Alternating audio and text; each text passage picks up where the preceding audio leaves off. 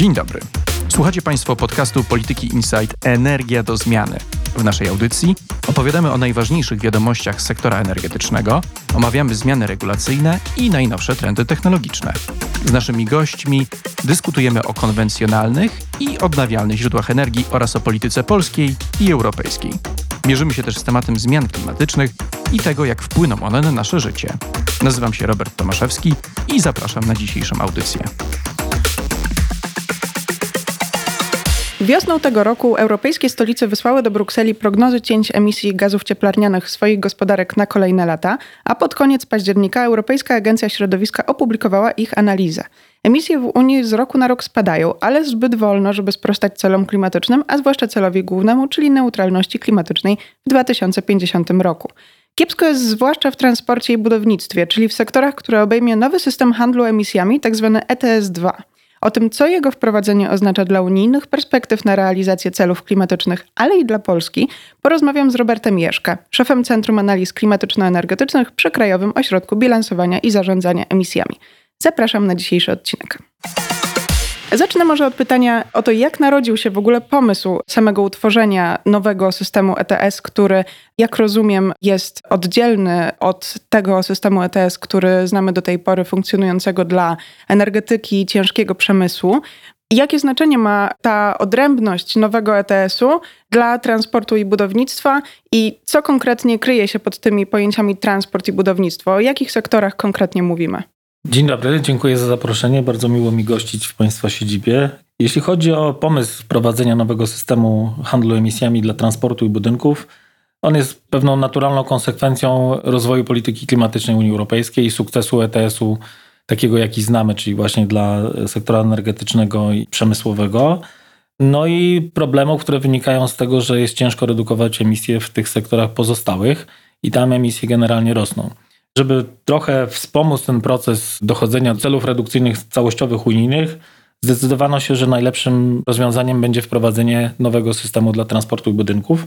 Przy czym należy pamiętać, że emisje z transportu i budynków odpowiadają za około 30% ogólnej emisji gazów cieplarnianych oraz ponad 50% emisji objętych rozporządzeniem non-ETS, czyli tych sektorów nieobjętych ETS-em. Chodzi o to, że jest to znaczący udział emisji w tych sektorach poza ETS-em, więc objęcie ich tym instrumentem tak zwanym carbon pricingowym ma pozwolić na to, żeby realizować te cele non-ETS-owe, w których właściwie wszystkie państwa członkowskie mają już problemy na chwilę obecną.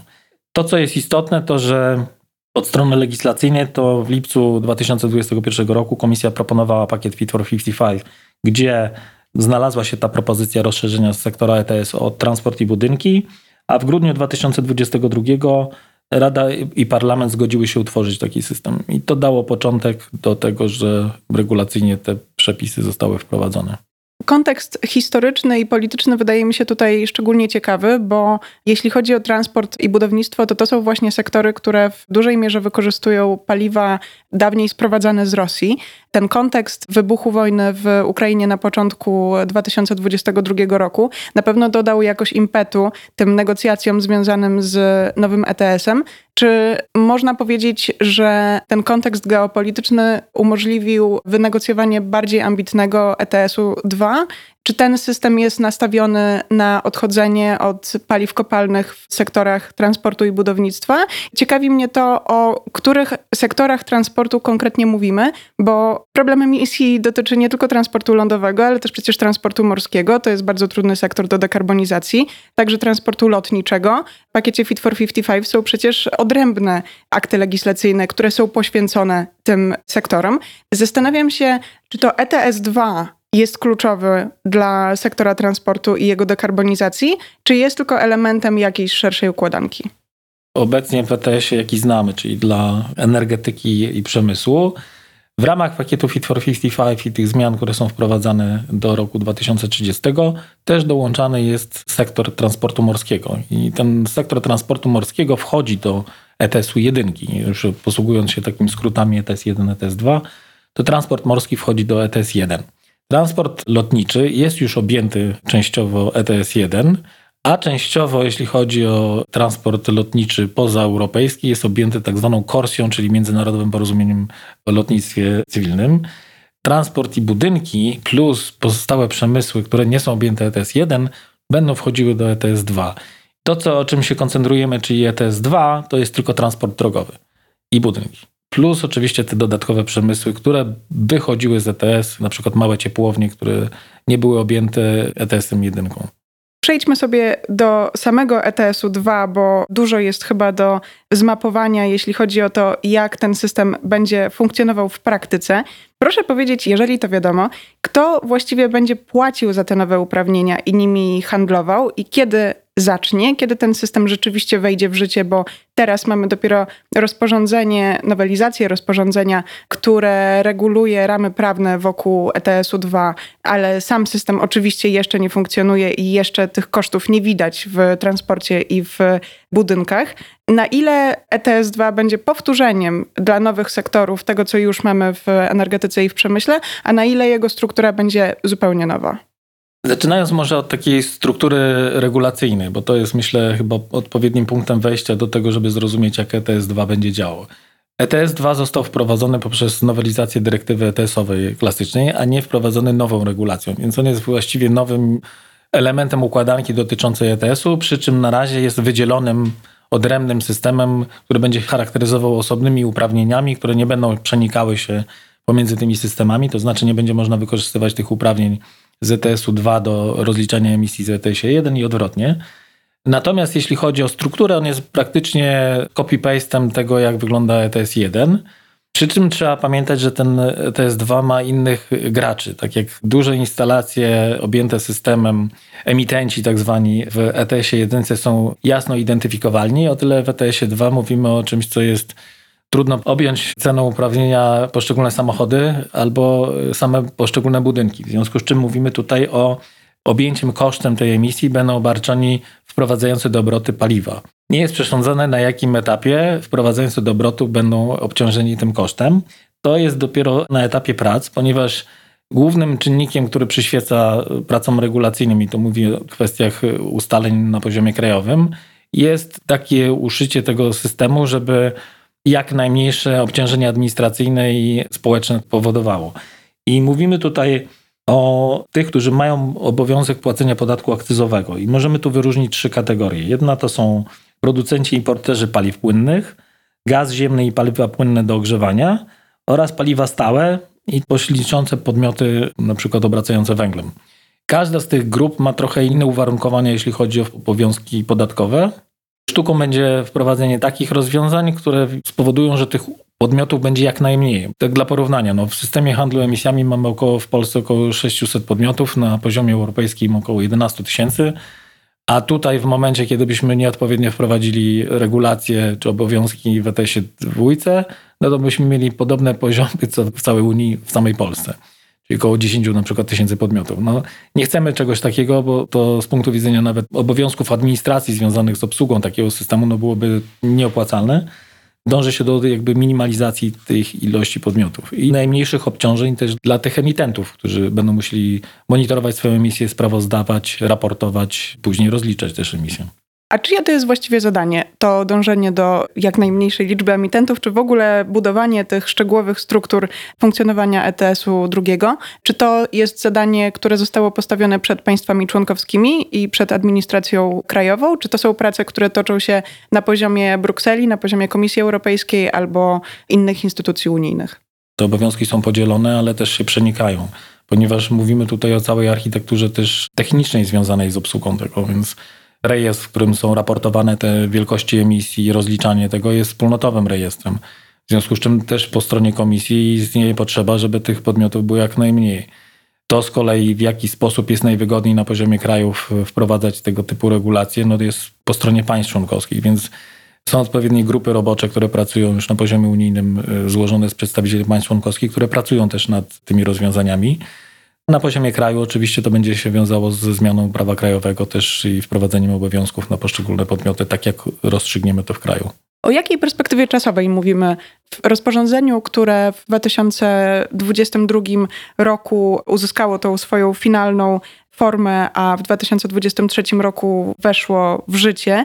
Jest zapisany cały harmonogram stopniowego wdrażania ETS-u drugiego, także dlatego, że ETS 2 jest powiązany z innymi rozwiązaniami, które mają amortyzować obciążenie dla odbiorców końcowych i one wchodzą trochę wcześniej niż sam handel emisjami.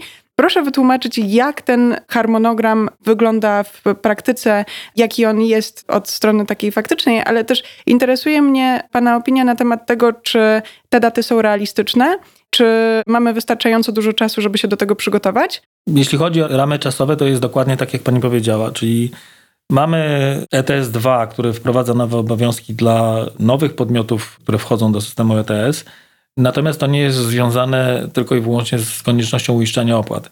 Ponieważ ten system jest nowy i on wprowadza pewne obciążenia dla gospodarstw domowych i to znaczące, powoduje to, że Komisja Europejska zaproponowała mechanizm wspierający w postaci Społecznego Funduszu Klimatycznego, to się nazywa z angielskiego Social Climate Fund, który ma wesprzeć generalnie proces transformacji, wsparcie gospodarstw domowych w tym procesie chociażby przeznaczano tymczasowo na przykład dla najbiedniejszych gospodarstw wsparcie finansowe przy rachunkach za energię.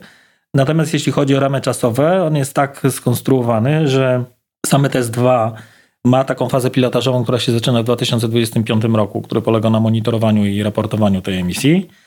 W 2026 rozpoczynamy uruchamianie właśnie tego funduszu społecznego, który w pierwszej kolejności jest zasilane uprawnieniami, które idą z ETS-u pierwszego, po to, żeby wygenerować pewne środki finansowe, którymi można już zarządzić i przeznaczyć na poziomie poszczególnych państw na wsparcie tego procesu i taką poduszkę, powiedzmy, bezpieczeństwa e, zbudować. Później w 2027 następuje uruchomienie finalne ETS-u dwójki, polegające na tym, że już podmioty objęte ETS-em dwójką będą musiały też zakupywać uprawnienia na aukcjach. I różnica między ETS-em 1 a ETS-em 2 jest też taka, że w ETS-ie 2 wszystkie uprawnienia są alokowane za pośrednictwem sprzedaży aukcyjnej, czyli te podmioty muszą kupować 100% uprawnień, które potrzebują do rozliczenia emisji na aukcjach. Innymi słowy, nie ma rynku wtórnego. Rynek wtórny też jest, on się utworzy, natomiast nie ma bezpłatnych przydziałów, tak jak na przykład jest w ETS-ie jedynce dla części przemysłów i ciepłownictwa sieciowego, głównie przemysłów, które są zagrożone ucieczką emisji. To, co jest dalszym elementem, no to jest też znowu budowanie takiej poduszki bezpieczeństwa w postaci takiej, że w pierwszym roku te uprawnienia, które będą wprowadzane na rynek, będą w większym wolumenie niż pierwotnie to się zakłada, jeśli chodzi o cele redukcyjne, więc będzie nadpodaż uprawnień w stosunku do potrzeb emisyjnych po to, żeby ta cena tych uprawnień była jak najniższa, bo nikt nie wie, jak ten rynek wystartuje i mówię tu o charakterze właśnie rynkowym, jak się zacznie kształtować cena uprawnień. W dalszej kolejności no, ten mechanizm ma działać właśnie w ten sposób, że podmioty rozliczają emisję, którą wcześniej raportują, zakupują uprawnienia na rynku pierwotnym lub wtórnym, a jednocześnie jest zasilany fundusz Social Climate Fund i te uprawnienia są alokowane na transformację gospodarstw domowych. I to są środki, które pozostają do dyspozycji państw członkowskich. To rządy państw członkowskich decydują o tym, jak środki ze sprzedaży tych nowych uprawnień rozdysponowywać. W tym momencie w pierwszym ETS-ie mamy, przynajmniej w Polsce, taki dosyć poważny problem, że przychody ze sprzedaży uprawnień są bardzo wysokie, ale niestety nie są w większości wykorzystywane na inwestycje redukujące emisje. No i gdzieś giną po prostu w tym budżecie. Czy Komisja Europejska albo instytucje unijne podjęły jakąś taką refleksję o tym, jak bardziej pilnować tego, na co trafiają konkretnie pieniądze z Social Climate Fund z jednej strony, no bo tutaj mamy ten cel amortyzacji odbiorców końcowych, a niekoniecznie być może samych instytucji na poziomie podmiotów kupujących uprawnienia, tych, które muszą się dekarbonizować, ciepłowni, czy właśnie tych podmiotów sprowadzających choćby paliwa do transportu. Co wiemy o losie przyszłych przychodów ze sprzedaży nowych uprawnień?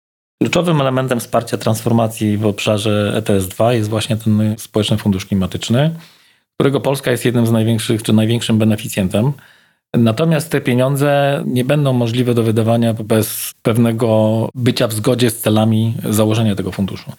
I głównym elementem, który warunkuje uruchomienie tego funduszu, są społeczne plany klimatyczne, które każde państwo członkowskie musi złożyć Komisji Europejskiej i dopiero po zatwierdzeniu tych planów te środki są uruchamiane, czyli jakby środki, które są w dyspozycji jego funduszu są po stronie Komisji Europejskiej i dopiero ich uruchomienie jest warunkowane przedłożeniem przez państwa członkowskie tych społecznych planów klimatycznych. Kierunki wydatkowania tych środków no muszą być spójne z tymi kierunkami, które są zarysowane w tym społecznym funduszu. Z jednej strony idzie to na wsparcie tych najbardziej zagrożonych gospodarstw domowych, które są najbiedniejsze, ale to wsparcie ma charakter tymczasowy. Czyli jest pewna klauzula, że środki wydatkowane na przykład na dopłaty do rachunków mają mieć charakter tymczasowy. Głównym motorem transformacyjnym jest wsparcie takie, żeby te budynki, czy gospodarstwa domowe, czy transport, te pieniądze nie będą szły tylko i wyłącznie na gospodarstwa domowe sensu stricte, tylko będą szły na te działania, które obniżą koszty po stronie gospodarstw domowych, przede wszystkim redukując ich emisyjność. W związku z czym mówimy to na przykład o wsparciu transportu zbiorowego. W sumie takie programy, które już w Polsce istnieją, na przykład no, dotyczące termomodernizacji, wymiany źródeł ogrzewania, czy też podłączania jak największej ilości gospodarstw domowych do sieci ciepłowniczych, których łatwiej jest i taniej jednostkowo wprowadzać jakieś rozwiązania niskoemisyjne. To zaparkujmy może na polskim podwórku przynajmniej na chwilę, bo jak rozumiem, wcale nie wszystko wiadomo o tym, kto będzie płacił w ramach systemu ETS-2 i kto będzie ewentualnie na nim korzystał, czy kto będzie beneficjentem środków ze Społecznego Funduszu Klimatycznego, ale może wiemy już coś o tym, jak Polska może wdrożyć ten system? Czy on będzie zarządzany podobnie jak ETS przez Kobizę, które pan zresztą reprezentuje? Czy też będzie potrzebował nowy ETS, nowych struktur także administracyjnych i nowego zaplecza takiego kadrowego właśnie po stronie administracyjnej? Kiedy właściwie dowiemy się, kto będzie kupował nowe uprawnienia? Wyobrażam sobie, że nie uda się uniknąć objęcia tym systemem Orlenu, ale co z elektrociepłowniami, mniejszymi ciepłowniami, przedsiębiorstwami komunalnymi, mniejszymi importerami paliw? Jak w praktyce może wyglądać ten system w Polsce? Ciekawi mnie też, czy on, podobnie jak pierwszy ETS, będzie w Polsce miał charakter wyjątkowy, czy jakby jego wpływ na polską gospodarkę będzie większy niż w innych krajach? Jeśli chodzi o sytuację, w jakiej obecnie jesteśmy, to tak, Kobize jako administrator systemu handlu emisjami dalej pozostaje administrator systemu handlu emisjami i tak jak mówiłem, ETS-2 jest częścią systemu w ogóle handlu emisjami, jest wprowadzone dyrektywą ETS, za którą wdrażanie w Polsce odpowiada Kobize.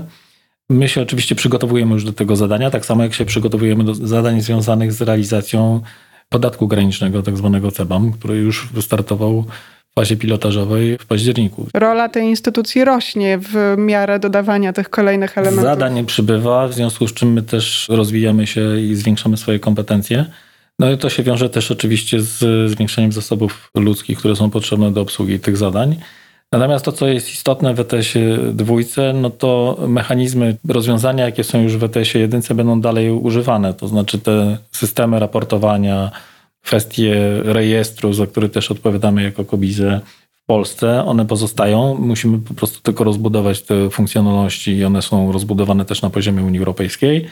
Nowe wyzwania po stronie administracji to na pewno będzie kwestia monitorowania tych podmiotów, które są objęte tym systemem, no bo to nie są instalacje, tak jak to do tej pory funkcjonuje w ETS-ie, tylko to będą podmioty handlowe, które będą wprowadzały do obrotu te paliwa. W związku z czym mówimy tu o tych podatkach akcyzowych, więc organy administracji finansowej też będą w tym procesie uczestniczyły i praca nad wdrażaniem i ustaleniem pewnych rozwiązań pomiędzy ministrem klimatu a ministrem finansów trwają.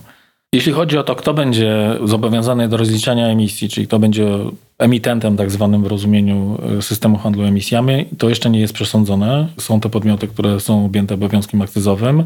Natomiast na jakim poziomie to będzie wdrażane, tego jeszcze dzisiaj nie jestem w stanie powiedzieć.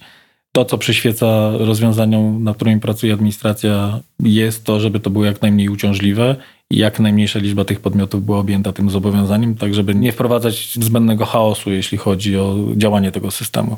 On ma być przejrzysty, czytelny i najprostszy do zarządzania też po stronie podmiotów, które są nim objęte, czy właściwie przede wszystkim po stronie tych podmiotów. Mówimy o sektorach transportu i ciepłownictwa, czyli takich sektorach, które do tej pory, no właśnie stąd też pomysł na wprowadzenie ETS-u dwójki, nie zajmowały się dekarbonizacją swojej działalności na pełen etat, powiedzmy. Ciekawi mnie zwłaszcza, jak te nowe zobowiązania wpłyną na sektor ciepłownictwa, który szczególnie w Polsce boryka się z ogromnymi wyzwaniami, jest coraz mniej rentowny. Te przedsiębiorstwa wytwarzające ciepło mają systemy wsparcia, owszem, ale one nie odpowiadają do końca na ich potrzeby. I jest to taki sektor zapomniany w polskiej energetyce. Parę dni temu mieliśmy raport Urzędu Regulacji Energetyki, który dotyczył 2022 roku, więc roku wyjątkowego, szczególnie uciążliwego dla całego sektora energetycznego. Z niego wyłania się obraz takiego sektora właśnie zaniedbanego, jeśli chodzi o inwestycje. Zastanawiam się, jak Czy Cake, państwa wewnętrzne analizy albo analizy rządowe, albo analizy unijne prognozują wpływ ETS-u 2 na kondycję ciepłownictwa? Czy to może być jakieś koło ratunkowe, które zostanie temu sektorowi rzucone, czy wręcz przeciwnie, jest to jakieś wyzwanie, do którego sektor ma teraz kilka lat, żeby się przygotować? Pomysł w ogóle wprowadzenia ETS-u dwójki zbiegł się z trudną sytuacją geopolityczną, wojną w Ukrainie, wysokimi cenami paliw i energii co przyspieszyło myślenie o tym, że jednak transformacja sektora energetycznego i ciepłowniczego no jest czymś, co nie może zwlekać i musi się wydarzyć w jak najszybszym tempie. Można założyć, że pewna forma wprowadzania ETS-u dwójki może być też interpretowana jako pewne koło ratunkowe ze względu na środki finansowe, które będą przeznaczane na tą transformację. To, co jest też istotne, żeby mieć świadomość, jeśli chodzi o polski sektor ciepłownictwa, to jest to, że no, musimy wychodzić z tego wykorzystania węgla w produkcji ciepła, bo jego udział jest właściwie porównywalny z tym, co jest w elektroenergetyce, czyli na poziomie około 70%.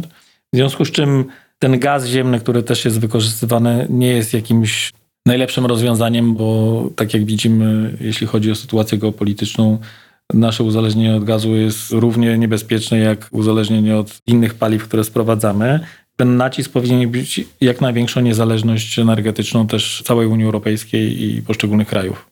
To, co jest istotne, no to z naszych analiz takich, które wykonujemy na bardzo skomplikowanych narzędziach, które biorą pod uwagę też całokształt powiedzmy zobowiązań i sytuacji w Unii Europejskiej, nie tylko krajowych, czyli bierzemy pod uwagę na przykład wymiany handlowe, ale też wymianę energii między krajami członkowskimi.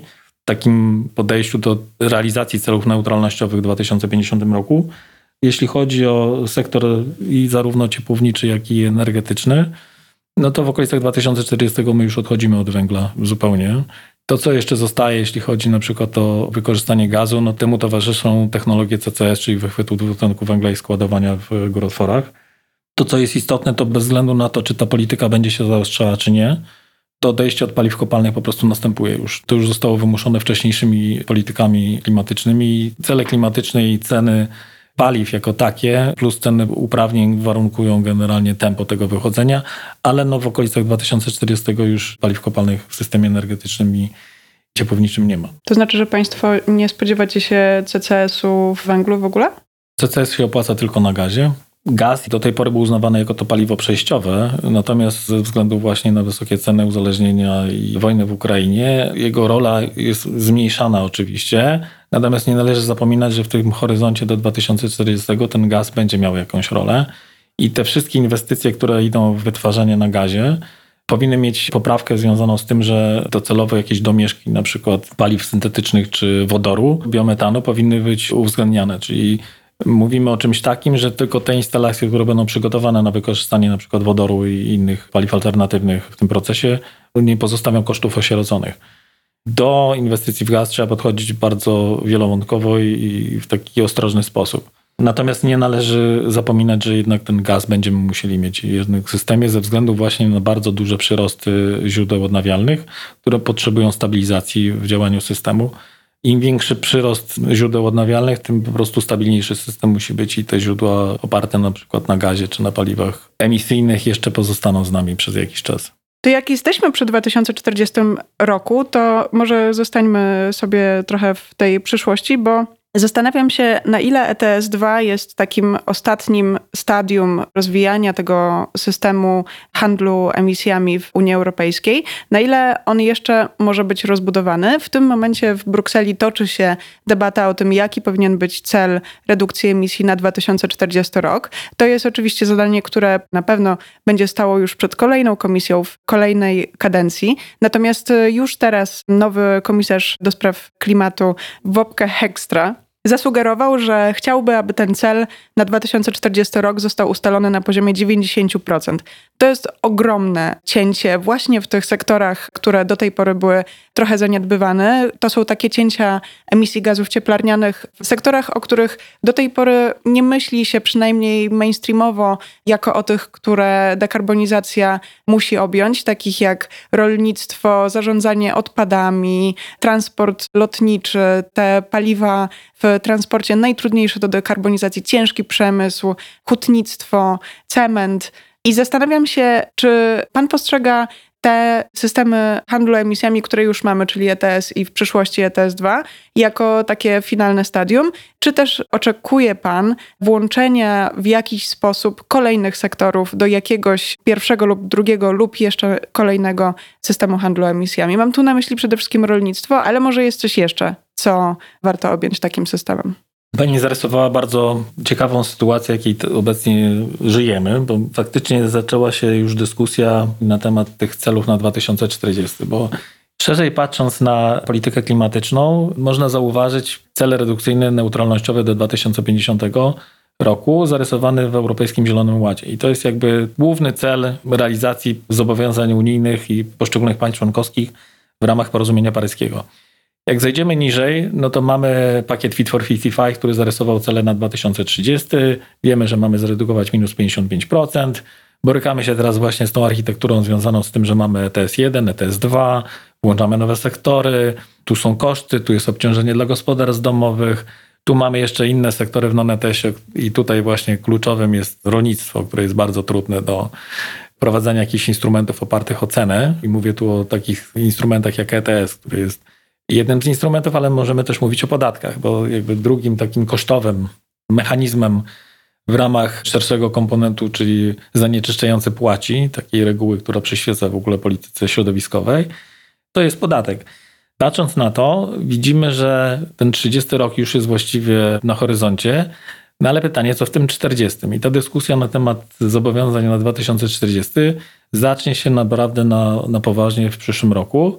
Prawdopodobnie komisja już w styczniu pokaże papier, w którym przedstawi swoje rekomendacje, jeśli chodzi o swoją wizję tego, jak ten 2040 przede wszystkim cel redukcyjny powinien wyglądać. Kilka podmiotów, które w tym procesie uczestniczą, czyli taka Rada Naukowa Klimatyczna zarekomendowała właśnie ten cel 90-95% na 2040. Natomiast należy pamiętać, że komisja też prowadziła konsultacje społeczne których publikacja była chyba z półtora miesiąca temu i z tych konsultacji społecznych wynikało, że większość społeczeństwa jednak opowiada się za niższym celem redukcyjnym, równie ambitnym, bo to mówimy tu o poziomach około 70%. 70-75, o ile dobrze pamiętam. On byłby kompatybilny z celem neutralności klimatycznej w 2050 roku? Tak. Wszystko zależy od tego, jak definiujemy ten cel. I dosyć ważne, żeby mieć tą świadomość, jeżeli pojawia się jakikolwiek wartość liczbowa, jeśli chodzi o cele, bo mówimy o celu net zero. I cel net zero polega na tym, że mamy fizyczną redukcję plus tak zwane uniknięcie emisji czy pochłanianie, które może być zarówno naturalne, jak i technologiczne, czyli neutralne to są lasy, mokradła, które pochłaniają emisję i one kompensują część emisji, która jest jakby nie do uniknięcia. Jeżeli mówimy o celu neutralnościowym, to bierzemy te dwie wartości ze sobą jako wypadkową. Natomiast jeżeli mówimy o celu fizycznym, no to ten cel jest już zupełnie inny. Jeżeli mielibyśmy fizycznie zredukować 90%, no to to już jest praktycznie neutralnościowy. W takim myśleniu o celu neutralnościowym, czyli 100% redukcji net zero w 2050, mówimy, że jakaś część emisji dalej będzie, ale będzie kompensowana tymi pochłaniaczami lub nawet technologicznie w postaci tak zwanych DAX-ów, czyli wychwytu nawet z powietrza dwutlenku węgla i zatłaczania go z powrotem do, do ziemi. Jeśli chodzi właśnie o dalszy rozwój polityki klimatycznej i objęcie następnych sektorów systemem handlu emisjami, no to faktycznie ta rozmowa, czy już dyskusje zaczęły się w Europie. Prowadzenie ETS-u na sektor rolnictwa i to nawet już przybrało pewną nazwę, się nazywa Agri-ETS. Komisja już podjęła działania jakieś przygotowawcze związane z tym, jak taki system mógłby być wprowadzany wynikają chociażby z kontroli Europejskiego Trybunału Obrachunkowego, który w 2021 roku w swoim sprawozdaniu podkreślił, że sektor rolniczy nie partycypuje w celach redukcyjnych czy polityce klimatycznej. I obecna struktura działania rolnictwa nie sprzyja temu, żeby on w ogóle partycypował. Więc rekomendacje były takie, żeby komisja wprowadziła jakieś rozwiązania, które by umożliwiały partycypowanie sektora rolniczego w celach redukcyjnych. To było przyczynkiem do tego, żeby zacząć w ogóle myśleć o tym, że taki Agri ETS miałby powstać. Problem jest taki, że struktura działania rolnictwa no, nie polega na rozwoju jakichś innowacyjnych technologii, które już tam były wprowadzane już jakiś czas temu, ale ten postęp technologiczny w rolnictwie nie jest taki jak w przemysłach na przykład energetycznych czy w przemysłach energochłonnych. Co się wiąże z tym, że rolnictwo jest w dalszym ciągu mocno dotowane i cała wspólna polityka rolna jest oparta na tym, żeby wspierać produkcję rolną w Europie. W związku z czym bez reformy wspólnej polityki rolnej, która by brała pod uwagę cele klimatyczne i politykę klimatyczną, no się nie obędzie. Ujęcie rolników w całej tej układance będzie szalenie trudnym wyzwaniem, dużo większym podejrzewam niż wprowadzenie TS2, ze względu na duże rozproszenie i małą strukturę też gospodarstw. No w Polsce mamy półtora miliona gospodarstw rolnych, z czego produkcyjnych około 700 tysięcy, w związku z czym skala tego wyzwania jest ogromna. Wracając do tego, kto miałby być objęty tym systemem, w takiej strukturze rozmawiania o ETS-ie mówimy o tak zwanym upstream i downstream, czyli mówimy o tym, że ten obowiązek rozliczania, monitorowania emisji może być na przykład na tych, którzy wprowadzają paszę, albo na przykład tych, którzy już obracają mięsem. Produkcja mięsa ma największy ślad emisyjny w przeciwieństwie do produkcji roślinnej. Wcale nie musi się zdarzyć tak, że powstanie agri ETS, bo to jest decyzja polityczna, i może się okazać tak, że po prostu ze względu na bardzo duży problem społeczny, który by się z tym związał i bezpieczeństwo żywnościowe, takiego rozwiązania się nie wprowadzi. Mimo, że z punktu widzenia makroekonomicznego to jest najbardziej płacalne. O tyle z naszych analiz, które robiliśmy, bo robiliśmy też analizy związane z tym, jakby objąć całą gospodarkę systemu handlu, między innymi rolnictwo, i jaki to miałoby skutek. No, skutek byłby taki, że jakbyśmy wprowadzili system handlu, który by obejmował też rolnictwo, to połowa tego, co produkujemy obecnie w Europie, musielibyśmy importować spoza Unii, co nie jest dobrym rozwiązaniem, jeśli chodzi o mówienie o bezpieczeństwie żywnościowym naszego regionu. Te rozwiązania muszą być bardziej subtelne, ale jednocześnie przyświecać moim celu, jakim jest dojście do neutralności. Więc takim jednym z kierunków, które się już rozwijają, to jest wykorzystanie gruntów rolnych też jako elementów produkcji biomasy i pochłaniaczy, które powinny być wykorzystywane w dojściu do neutralności klimatycznej. O tym się już mówi, ale to jest też taka pieśń przyszłości w związku z tym, że koszty tych technologii są dosyć drogie. Wykorzystanie biomasy do różnych zastosowań też jest uwarunkowane powiedzmy kwestiami środowiskowymi i zrównoważonym rozwojem, w związku z czym pomysły do tego, jak to wykorzystać, też są w pracach Komisji Europejskiej, jeśli chodzi na przykład o certyfikację tak zwanych pochłaniaczy.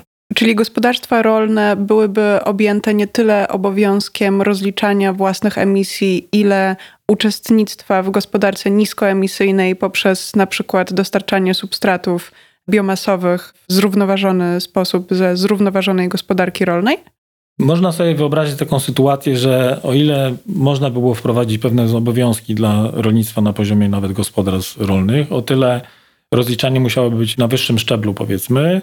Część tego była, mogła być kompensowana działalnością tych gospodarstw rolnych związanych z tym generowaniem pochłaniaczy.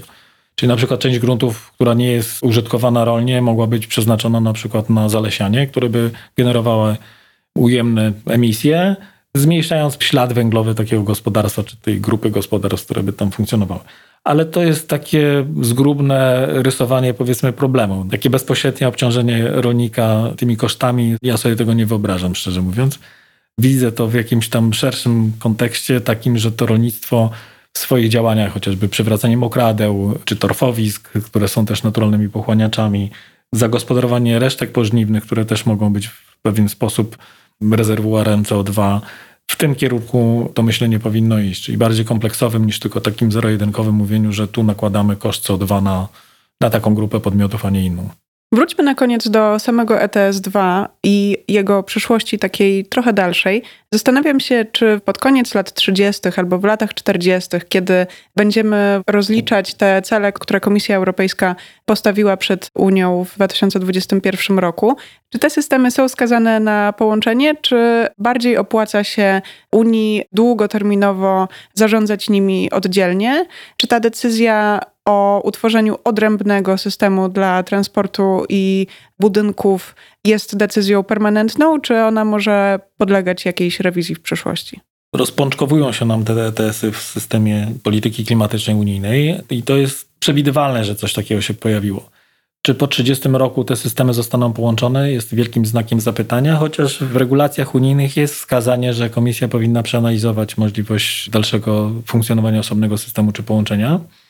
Jeżeli następne systemy będą się pojawiały, a zakładam, że jednak będą się pojawiały, czy to będą systemy Agri ETS, czy to będą systemy na przykład dla tak zwanych removali, czyli tych pochłaniaczy, o których też się mówi, które by kompensowały część emisji, która w tych systemach już jest powiedzmy bardzo kosztowna do redukcji, ja bym wskazywał na kierunek ujednolicania tego. To znaczy z punktu widzenia makroekonomicznego i całej gospodarki lepiej jest, jak koszt funkcjonuje, wszystko jest objęte jednym ETS-em, co nie jest, tak jak mówiłem wcześniej, nie jest racjonalne, jeśli chodzi o koszty i inne uwarunkowania, inne polityki, sytuację geopolityczną i tak dalej.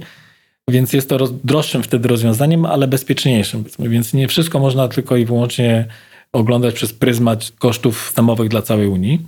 To, co jest ciekawe, to kiedy ten ETS drugi byłby połączony z ETS-em pierwszym.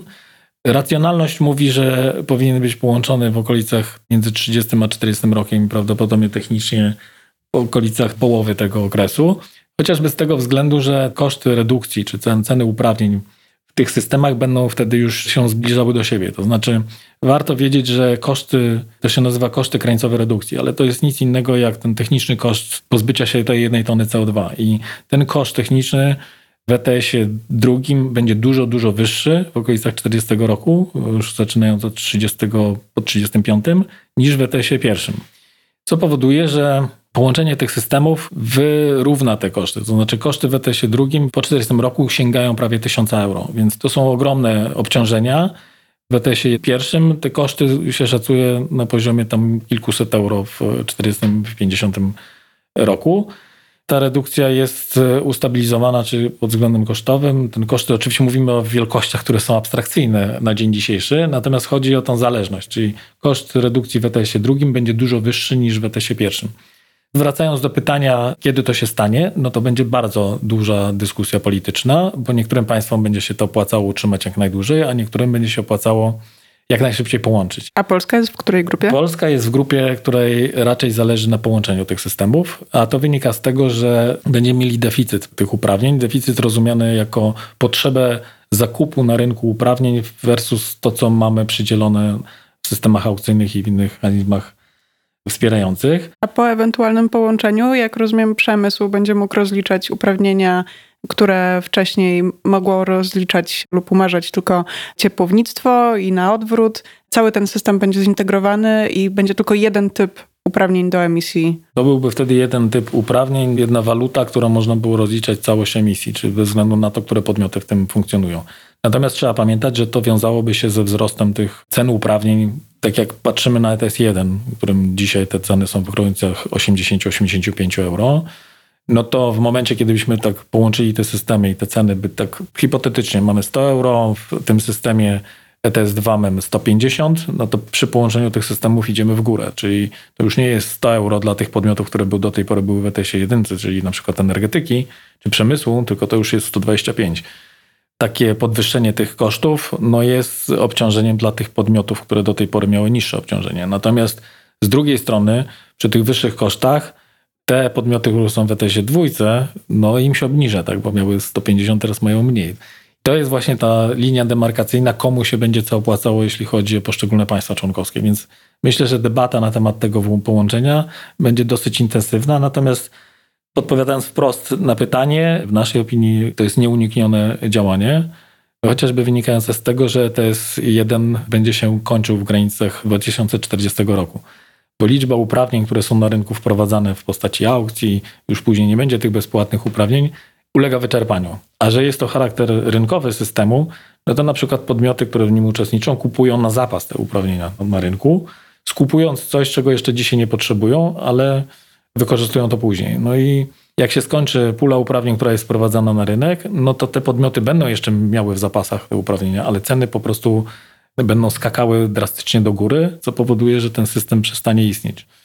Nikt nie pozwoli sobie na to, żeby w którymś momencie na rynku wtórnym ceny osiągały kilkukrotność cen, które do tej pory były obserwowane. Więc żeby utrzymać charakter tego systemu, no trzeba go czymś zasilić, więc trzeba wpompować następne uprawnienia czy następne objąć szerszym zakresem tym systemem gospodarkę po to, żeby utrzymać system jako system. Czy jest jeszcze coś e, ciekawego, o czym nie powiedzieliśmy? Takim jednym z elementów jest tak zwane removale, czyli technologie CCS i wszystkie pokrewne, o których się mówi już od samego początku, czyli mniej więcej od 2007 roku, bo jeszcze wtedy była mechanizm, który miał wygenerować rynkowo opłacalność tych technologii. Mówię tu o tak zwanym NER 300, który był taki fundusz, który był w pierwszej fazie ETS-u.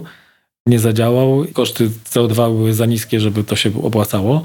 Natomiast patrząc w przyszłość z perspektywy tego, jakie te ceny będą obserwowane, no to te CCS-y i wszystkie technologie neutralnościowe są po prostu niezbędne. Taką ciekawostką, którą mógłbym tu przytoczyć, jeśli chodzi na przykład o nasze analizy, to system energetyczny, który wykorzystuje paliwa, w momencie, kiedy korzystałby z technologii tak zwanych BECS, czyli biomasa z CCS-em, generuje ujemne emisje, czyli rola sektora energetycznego, jaki znamy dzisiaj, po 2040 się zmienia. To znaczy, to jest sektor, który pełni rolę bufora dla tych emisji, które nie mogą, nie można zredukować w innych sektorach gospodarki, bo on generuje ujemne emisje, nawet przy spalaniu biomasy, która jest zatłaczana. No to jest efekt, powiedzmy, bilansu emisyjnego, który jest związany z produkcją biomasy, która wychwytuje dwutlenek węgla, a później nie wprowadza z powrotem tego do atmosfery, tylko jest zatłaczane to do podziemia. Ta technologia też jest bardzo rokująca, bo ma największy efekt redukcyjny w stosunku do kosztu, jaki można było tam ponieść. I myślę, że tego typu rozważania i technologie, na których komisja się koncentruje, no one będą ciekawym rozwiązaniem też w tym horyzoncie 2040-50. Dziękuję za rozmowę. Na dziś to wszystko. Na kolejny odcinek Energii do Zmiany zapraszam w przyszłym tygodniu. A zanim się ponownie spotkamy, posłuchajcie naszych innych audycji. Znajdziecie je w najważniejszych serwisach, m.in. Spotify, Apple Podcasts, Google Podcasts i na SoundCloudzie. W pole wyszukiwania piszcie po prostu Polityka Insight. Do usłyszenia.